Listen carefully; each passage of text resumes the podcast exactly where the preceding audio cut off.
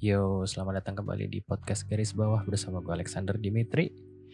Kembali lagi di podcast Garis Bawah. It's been a while. Gue lagi bingung mau bahas apa soalnya gak ada yang menarik belakangan. Tapi gue akhirnya nemu. Setelah sempat kemarin bikin questions di Instagram, gue tanya apa yang orang-orang mau bahas. Ada tiga jawaban. Ya, secinta itu teman-teman gue sama gue follower gue 500 yang respon question gue cuma tiga orang what an amazing day to be alive. Tiga itu adalah sexual harassment di universitas yang dilakukan oleh orang yang punya power. I mean kayaknya point of view gue gak terlalu diperlukan di situ karena it is obvious that the thing is bad and and ya ya emang hal buruk gitu nggak perlu dikomentarin juga semua orang udah tahu kalau itu hal yang nggak baik. Yang kedua, idenya adalah membahas rewind yang disponsori. Ya emang ide bahwa rewind nggak boleh disponsori dari awal itu emang udah salah. Maksudnya rewind itu kan project gede dan semua orang berekspektasi rewind harus bagus gitu. Tentunya perlu dana yang besar, perlu pokoknya perlu sumber daya yang banyak gitu. Dan lu beneran beranggapan bahwa rewind gak boleh disponsorin in the name of idealisme gitu. Ya sorry to say kepentok apa pala lu bos? Yang ketiga ada NFT and Metaverse. NFT sama Metaverse kayaknya gue bukan orang yang tepat buat ngomongin itu. Karena ya memang gue sendiri NFT artis gitu tapi gue nggak terlalu uh, gue nggak terlalu punya bahan untuk ngebahas itu. Dan informasi tentang NFT semuanya udah ada lah di internet gitu. Lo bisa lihat di Froyonion ngomongin tentang NFT lo bisa nonton di podcastnya Didi Corbuzier tentang NFT dan lain sebagainya. Ada banyak lah orang-orang yang lebih lebih kompeten gitu daripada gue untuk ngomongin NFT kan podcast ini dibuat bukan untuk membahas hal-hal yang ada expertise-nya gitu. Enggak bukan hal-hal yang orang-orang ada ada orang lain yang udah expert gue bahas gitu. Enggak, enggak gitu.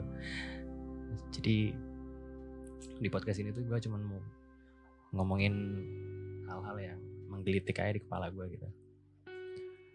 Ya mungkin Anda semua akan mendengar beberapa klik-klik karena gue mau nyari bahan apa yang mau gue bahan yang mau gue bahas tadi. Um, ya memang kali ini topiknya sedikit nyerempet tentang NFT tapi nggak yang nggak yang gue ngomongin NFT gitu. Nah jadi ada tweet. Tweetnya mungkin nanti bakal gue taruh di apa namanya? Tweetnya bakal gue taruh di jadi thumbnail jadi thumbnail podcast jadi beberapa hari ke belakang ada yang ada seorang pemuda dari Semarang kayaknya. Kabar yang gue dapet sih dia dari Semarang. Namanya Gozali. Dia jual selfie dia. Jadi dia ngambil selfie setiap hari selama lima tahun dari tahun 2017. Belibet gue ngomong anjing. Um, terus dia awalnya dia cuma pengen bikin time lapse saja. Terus akhirnya entah kenapa dia kepikiran untuk bikin foto-fotonya selfie-selfienya itu jadi NFT dan diupload ke OpenSea lewat blockchainnya um, Polygon lewat Matic. Buat yang nggak tahu yang agak roaming soal istilah-istilah itu, ya mohon maaf. Tapi ya gue ada cara lain yang lebih mudah untuk menjelaskannya gitu. Pokoknya kayak gitu. Dan ternyata um, foto-foto selfie-nya dia ini di hype sama orang-orang termasuk Chef Arnold. Jadi NFT yang bentuknya adalah basically selfie-nya dia itu laku keras di pasaran dan dia berhasil dapat ratusan atau mungkin bisa diasumsikan miliaran dari penjualan NFT-nya ini. Jadi habis itu di hari di tanggal 12 Januari 2022 ada mbak-mbak ngomentari tentang Gozali yang jual mukanya sebagai NFT. Tweetnya itu bunyinya begini. Girls who earn $1,000 by selling selfies on traktir get called lonte and pengemis. While guys who earns $100,000 by selling selfies as NFT are creative genius. Jadi basically mbak ini is being salty of Gozali's success gitu. Dan argumennya adalah kalau cewek jual foto selfie dia di traktir um, bakal dikatain lonte dan dikatain pengemis gitu. Tapi kenapa tiba-tiba kalau laki-laki tapi bukan kalau laki, tapi kenapa tiba-tiba ada laki-laki yang jual selfie-nya jadi NFT dan bahkan dapat yang lebih gede, kenapa tiba-tiba dibilang sebagai uh, creative genius gitu? Menurut gue ini perbandingan yang gak apple to apple ya, karena karena gini loh ya, mbak-mbak yang jual selfie di traktir itu selfie-nya nggak cuman sekedar selfie gitu. Selfie yang dia jual di mbak-mbak itu jual di traktir itu nggak mungkin selfie-nya selfie kayak Gozali gitu. Selfie belum mandi gitu. Selfie belum mandi, rambut nggak disisir gitu kan. Cuman duduk di kursi gaming, selfie muka doang nggak mungkin. Dan kalaupun ada, kemungkinan kecil nggak laku, kemungkinan besar nggak laku. Ya kan? Yang membedakan adalah kenapa mbak-mbak jual selfie di traktir itu dikatain lonte because their foto yang dipasang emang foto-foto yang tertarik yang membuat orang tertarik untuk membeli. Yaitu foto-foto yang ada belahannya. Atau mungkin agak sedikit-sedikit nerempet puting ya kan? Atau bahkan bugil sekalian gue nggak tahu sih di traktir ada yang kayak gitu apa enggak ya. Maksudnya pasti ada lah sebab kenapa mereka dipanggil lonte ya kan? Nggak mungkin dong ada ukti gitu pakai pakaiannya tertutup hijab pakai nikab semuanya pakaiannya panjang terus cuman pose ala ala ibu PKK yang tangannya dilipat di depan gitu jualan foto di traktor nggak mungkin dikatain lonte dong ya kan? Jadi ada akibat pasti ada sebabnya gitu. Ada sebab pasti ada akibat. Kenapa dipanggil lonte? Ya karena emang kayak lonte gitu. Oh nggak boleh bilang lonte sekarang bolehnya sex worker gitu. Padahal ya basically dia idea sama lonte gitu.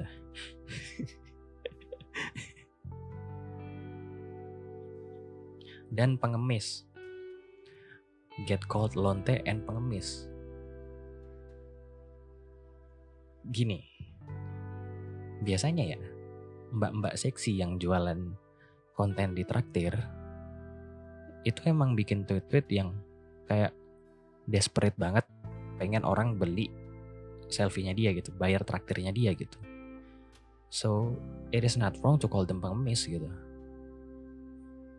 Si Gozali juga kalau dia nunjukin um, itikat-itikat desperate untuk supaya NFT-nya terjual juga at the end of the day orang bakal bilang dia pengemis. Tapi kan kenapa Gozali ini dinilai jenius karena gini loh. NFT yang orang kenal selama ini itu board app gitu kan. Habis itu apalagi tuh CryptoPunks dan lain-lain. Yang mana itu adalah karya seni yang orang gambar dan um, ada developernya, ada tim marketingnya dan lain-lain. Tiba-tiba dia muncul sendiri, upload ribuan selfie, dan dia jual sebagai NFT.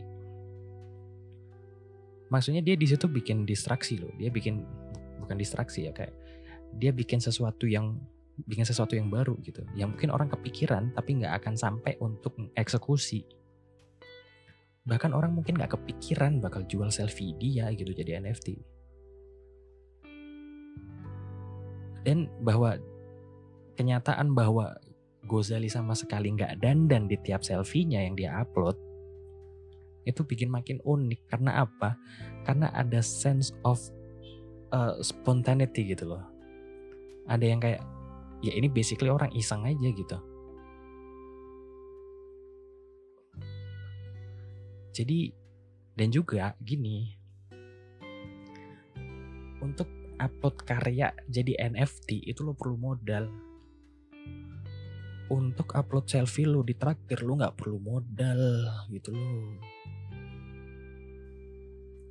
modalnya Gozali gue ekspektasi ratusan ribu sampai nyerempet sejuta gitu walaupun dia pakai blockchainnya Polygon yang jauh lebih murah ketimbang dia pakai Ethereum gitu. Tapi pada dasarnya akan tetap sama. Itu perlu modal untuk sampai ke aduh kesenggol. Untuk dari um, dari fotonya untuk jadi NFT itu dia perlu modal. Bukan yang cekrek upload cekrek upload bos gitu kan. Dan juga di belakang koleksi NFT-nya Gozali itu ada sebuah effort di mana dia ngambil satu foto di tiap hari selama lima tahun nggak yang mbak-mbak traktir yang kebetulan lagi ada tank top nganggur selfie terus upload gitu kan. Nggak gitu ada effortnya ada sense of effortnya gitu. Jadi dia dia bikin suatu guncangan di tengah-tengah di tengah-tengah NFT yang harus begini yang harus begitu yang harus uh, di market secara begini ada teknik marketing NFT yang selain sebagainya Gozali datang nggak bawa apa-apa gitu. Dan dia pada akhirnya jadi internet memes.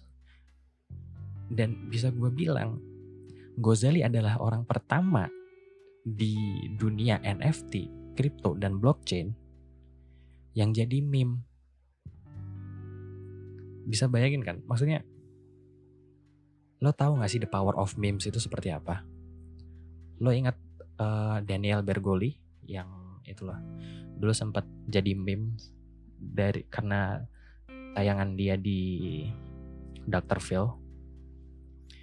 Mungkin kalian kenalnya dia di apa namanya? Di meme Cash Me Outside, how about that? Gitu. Karena dia jadi meme, popularitasnya naik, follower dia jadi banyak, terus dia sekarang jadi kaya gitu. Itu adalah the power of memes gitu. Daniel Bergoli itu buka OnlyFans langsung satu juta satu juta dolar gitu. Bahkan sebelum dia upload foto. Belum upload foto yang subscribe angka subscribe-nya itu udah sampai satu juta dolar. Empat belas setengah miliar bos ya jadi ada banyak faktor yang kenapa Gozali ini berakhir jadi jenius gitu. Kayak dia men, dia mendobrak segala hal tentang NFT dia datang-datang cuman bawa selfie muka. Habis itu ya sisanya hoki-hokinya dia aja ternyata di hype sama orang-orang yang ber, cukup berpengaruh di dunia NFT gitu. Dan juga tweet ini bikin gue ngerasa agak aneh ya maksudnya mbak ini kan basically pengen kayak perempuan-perempuan yang jual selfie di traktir untuk tidak dijudge secara nggak direndahkan gitu. Jadi dia berusaha untuk ngangkat ngangkat derajat perempuan gitu.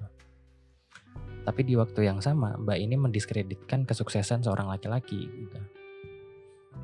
Ya kayak apa sih harus dilakuin itu gitu Kalau lu nggak mau cewek-cewek yang jual uh, selfie belahan toket di traktir dipanggil lonte, ya udah lu bilang itu aja. Lu nggak usah bawa bawa Gozali ke sini gitu. Karena basically emang um, Gozali is a genius in in his own ways gitu. Emangnya ada mbak-mbak traktir yang apa gitu? Tiba-tiba bikin jalannya sendiri gitu kan enggak. Pada akhirnya patternnya sama-sama juga. Belahan toket lagi pantat lagi gitu-gitu lagi kan? Jadi ya gitu deh. Udah cukup kayaknya 15 menit setelah sekian lama nggak podcast. Gue ada satu podcast lagi kayaknya yang bakal gue record yang ada hubungannya sama um, ketidak ketidaksukaan gue terhadap sesuatu yang akhir-akhir ini lagi hot. Oke, terima kasih udah mendengarkan. Semoga 15 menit 15 menit ini cukup. Sorry kalau gue ngomongnya kecepatan atau terbata-bata. Gue udah lama gak record podcast. Jadi semoga hari Anda menyenangkan, tetap sehat, tetap semangat supaya kita bisa jalan-jalan dan makan-makan lagi. Pokoknya maknyus ya. Bersama saya Jeremy Teti dan inilah hitam putih.